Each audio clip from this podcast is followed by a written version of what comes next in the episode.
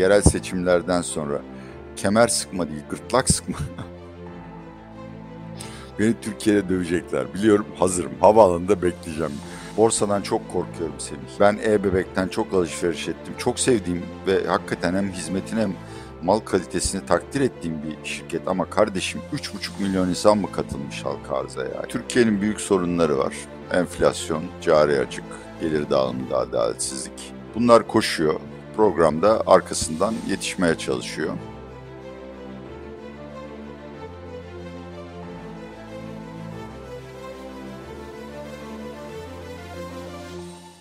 Atiye Bey merhaba, hoş geldiniz.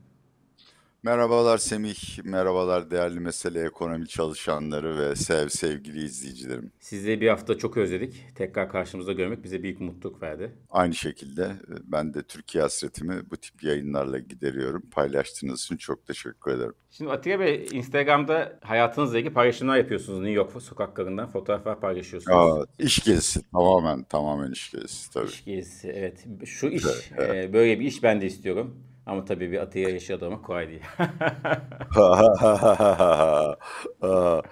Evet, evet. Wall Street'e gitmiştik. Ee, büyük yatırım. Yok ya geziyorduk hanımla. evet. Atiye Bey fotoğrafınızı koydum e, sizden izin almadan. Öyle bir saygısızlık yaptım. Soru yağdı. Estağfurullah. Soru yağdı. E, o, o soruları size yönelteceğim. Seçtiklerimizin bazılarını seyircilerimizin sorularını. Çok güzel sorular geldi ama öncesinde orta vade programı size soracağım. Bugün e, önce Aa. Cevdet Yılmaz, arkasından da Cumhurbaşkanı Erdoğan e, orta vadeli programı anlattı, ekonomiyi anlattı, yaklaşımlarını anlattı. Sizden önce kısaca ne umdunuz, ne buldunuz sorayım. Yani negatiflerle başlayalım. Orta vadeli programlar gibi bunda da hedefler birbiriyle tutarsız Türkiye'nin %4 veya üstünde büyüdüğü bir dünyada enflasyon ve cari açıkla mücadele edemezsiniz. Bu üçünü bir araya getirmek için alınan tedbirler listesini de gözlerim şişti. Yapısal reformlardan kastedilen buysa bunlar yapısal reform değil. Bunlar teknik tedbirler. Hiçbir şekilde Türkiye'ye yeni bir patika veya yeni bir vizyon vaat etmiyor. Yine aynı şekilde para politikası yol haritası yayınlanacaktı. Eğer içinde varsa iyi serpiştirilmiş çünkü ben yakalayamadım. Twitter'da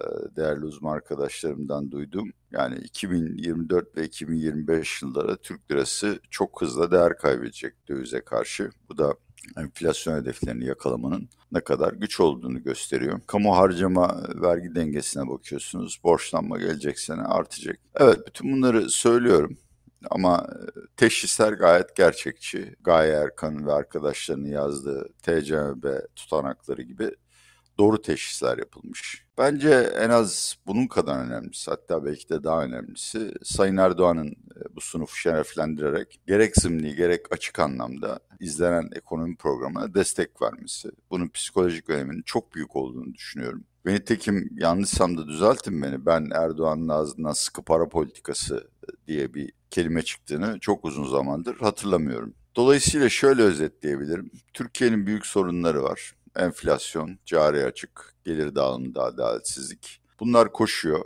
Programda arkasından yetişmeye çalışıyor. Bu o değil ama eğer programı çok geniş bir şekilde yorumlarsak, mesela enflasyon hedefine varılıncaya kadar sıkı para politikasına devam edecek cümlesini bir taahhüt olarak algılarsak, önümüzdeki günlerde daha iyi sonuçlar elde edileceğini düşünebiliriz. Tabii daha iyi sonuçlar derken bu yabancı yatırımcılar ve makroekonomik dengeler açısından yoksa sokaktaki vatandaş için daha çok can yanacak anlamına geliyor. Cumhurbaşkanı Erdoğan 2026 yılında zengin ekonomi arasına gireceğiz dedi. Evet Sayın Erdoğan'ın siyasi olarak e, büyük anlam taşıyan ama e, pek denediğinden haberi olmadığını da gösteren bu tür açıklamaları var. Açıkçası ben sıkı para politikasını anlayıp anlamadığına da pek emin değilim. Çünkü büyümeden, taviz vermeden sıkı para politikası yürütülebilecek olsaydı şimdiye kadar yürütülebilmiş olabilir. Ya bu ne yani Türkiye'de enflasyon, döviz kuruna müdahaleler eş zamanlı patladı ve çok hızlı gelişti. Ben şahsen bu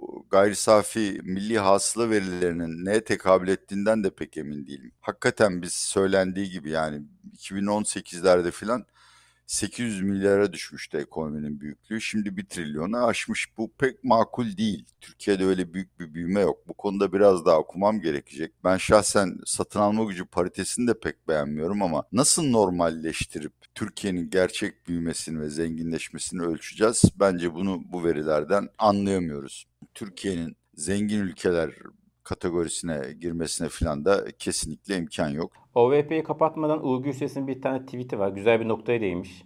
Ee, Birçok ekonomist güzel paylaşımlar yaptı ama ben bunu çok beğendim. 2024'te öngörülen özel tüketim büyümesi %3,5. 2023'te gerçekleşme tahmini %10.9.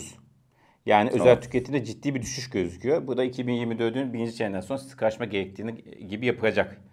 Esasında adres e, yani takvimlendirme esasında hep aynı şey gösteriyor. Seçim sonrası ciddi bir sıkılaştırma gelecek.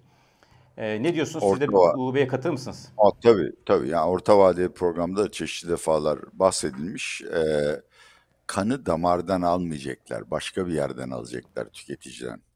Herkes bir an önce kredilerini kapatsın ve e, ayağını yorganına göre uzatsın. Çünkü seneye e, ancak maaşınız kadar harcı. Yani tamamen tüketici kredileri kapatılacak ya da öyle bir faize gelecek ki alanın zaten ihtiyacı olmayacak. Çok teşekkür ederiz güzel benzetmeniz için Atilla Bey. Çok sağ olun. Ve şimdi seyircimizin Instagram'daki takipçimizin sorularına geçelim hazırsanız. OVP dosyasını kapatıyoruz. Daha Allah, yumuşak konular. Tamam yani hazırım herhalde bilemiyorum yani bir şekilde böyle bir tuzağın içine sürüklendiğim düşüncesindeyim ama tamam sana güveniyorum. Yok, Türk e, insanının sağ Türk insanının sağduyusuna güveniyorum. Evet e, çok doğru bir şey güven, güveniyorsunuz. Allah size şans versin diyorum ve seyircimizin sorusu şimdi ekranda gelecek. Boğayı işaret etmişsiniz. Hangi yatırım aracı için acaba?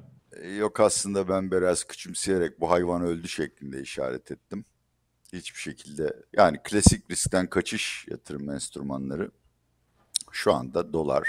Onun dışında pek fazla bir şey gözükmüyor şahsen. ABD tahvil faizleri yükselecek. Riskli varlıkların Bitcoin'den gelişen ülke hisse senetlerine kadar önümüzdeki aylarda iyi performans göstermesini beklemiyorum. Bu arada enteresandır. Türkiye'nin dahil olduğu gelişmekte olan ülkeler grubu piyasalarında çok sert satışlar var bütün enstrümanlarda. Ama dün itibariyle Türkiye'nin CDS'i düşüyor, Eurobandları prim yapıyordu. Yani bir hikaye yakaladık. Biraz daha ittirirsek, biraz daha sırtımızı verirsek Türkiye gittikçe zorlaşan global koşullara rağmen kışı rahat geçirir ve yerel seçimlerden sonra da inşallah artık kendine yeni bir yol haritası çizer diyorum. İkinci soruya geçiyoruz. Arzu'nun sorusu. ABD borsa için gelecek bir yıl öngörünüz nedir?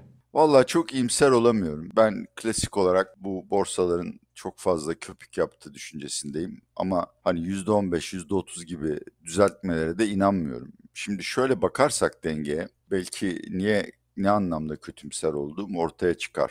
Son 100 yıldır S&P 500 10 yıl çok yüksek performans gösterdiyse 10 yılda bunun bedelini ödemiş. Şimdi biz 10 yıldan 20 yıla çıktık. Bundan sonra S&P 500 önümüzdeki 10 yıl yılda 5-6 getiri getirir. Tahvil faizlerinin yani risksiz getirinin 4,5'lara yükseldiği bir ortamda kimse S&P 500'de hisse almaz. Belki bu düzeltme çok daha erken başlayacaktı. Aslında düzeltme var yani. S&P 500'de 8 tane 10 tane kağıdı çıkartın gerisi sene başından beri prim yapmamış. Ama bu yapay zeka dotcom köpüğünü başlatan gibi hakikaten transformatif insanlığın kaderini değiştirecek bir icat olmaya gidiyor. Sonu dotcom gibi olacak anlamında söylemiyorum. Çünkü bu sefer o iş onunla ilgili olan e, şirketler gerçekten sağlam gelir üretiyorlar ve araştırma yapıyorlar.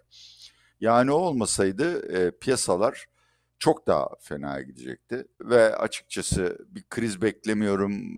Yani mali panik beklemiyorum ama çok tatsız seyredecek piyasalar. İki gün önce yarın da para analize koyacağım.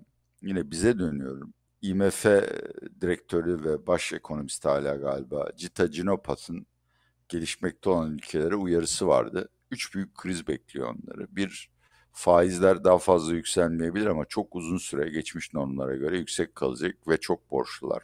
İki, jeopolitik parçalanma yani bloklara ayrışma bazı ülkelerin milli gelirini yılda yüzde beş düşürebilir. Üçüncüsü iklim faciasıyla mücadele. Bu da özellikle iklim ki biz bunlara dahiliz. İklim değişikliğinden çok kötü e, etkilenen ülkelerin maliye politikalarını fevkalade zorlayacak.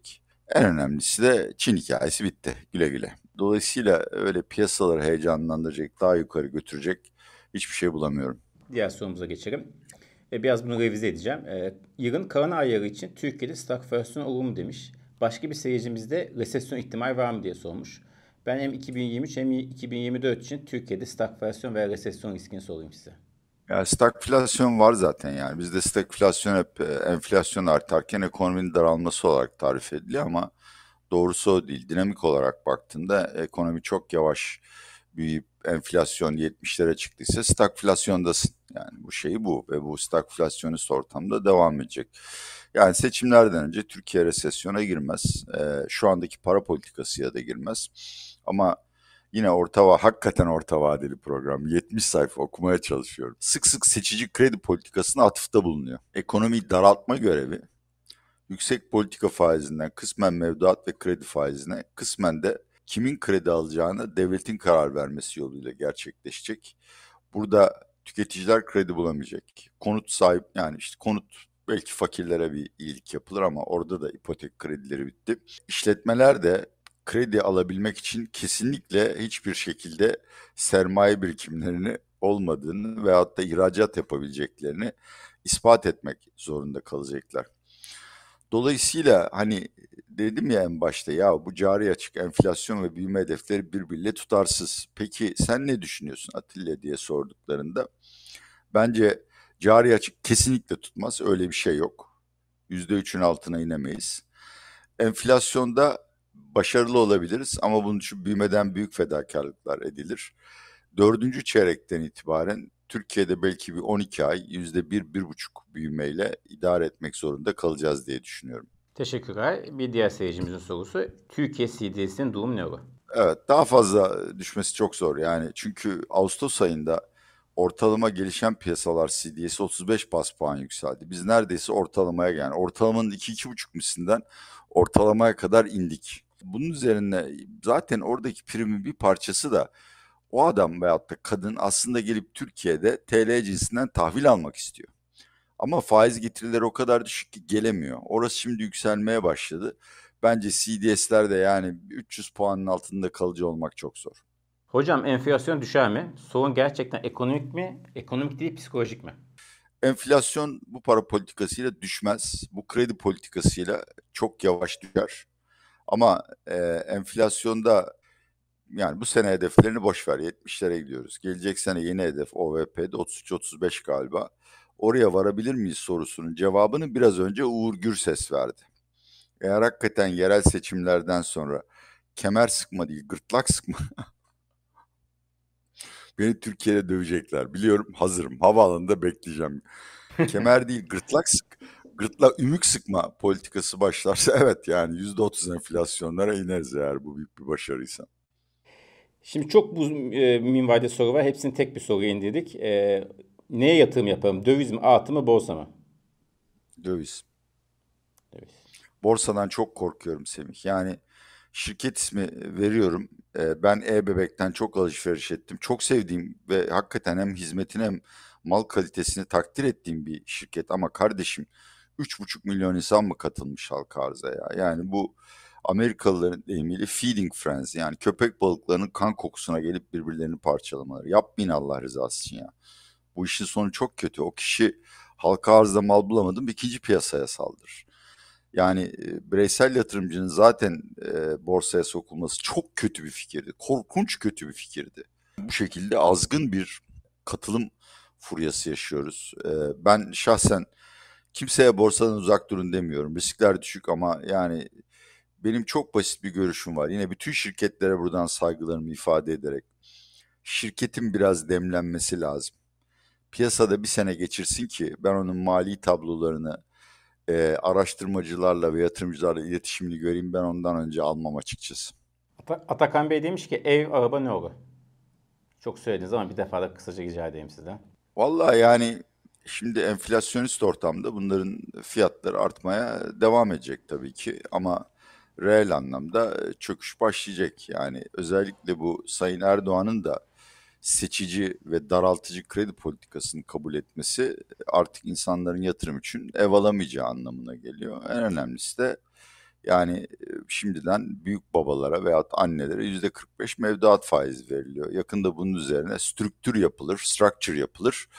Bir de e, dolar mevduatı, TL mevduatı gibi gösterilip üstüne 8-10 da dolar getirisi verilir ve konut talebi tamamen çöker. Ahmet Bey demiş ki küçük bir birikim ne bu işe girmek istiyorum. Nereden başlamalıyım? Ne tavsiye edersiniz? Küçük bir birikimle hangi işe girmek istiyormuş?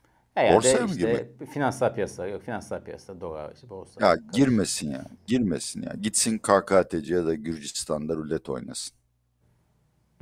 Hiç olmazsa bedava içki ve yiyecek veriyor. Çok olay. Benden hiç yani benden hiçbir şekilde vasıfsız yatırımcıya borsa tavsiyesi beklemesin kimse. Çok korkuyorum. Son olarak Serkan Bey'in sorusunu, bu biraz da profesyonel bir soru sormuş kendi bir kişisel kariyeriyle ilgili.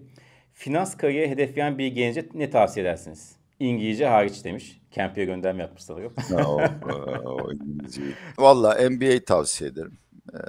Ve de iyi bir okulda MBA tavsiye ederim. Yani şu anda üniversite şeyiyle, mezuniyetiyle hiçbir şekilde iş bulamazsınız Türkiye'de. Evet, finansın yolu yeniden açıldı. Türkiye çok uzun süre para akımları da hayatta kalacak. MBA bir de elden geldiği kadar iş tecrübesi, staj şeklinde olabilir.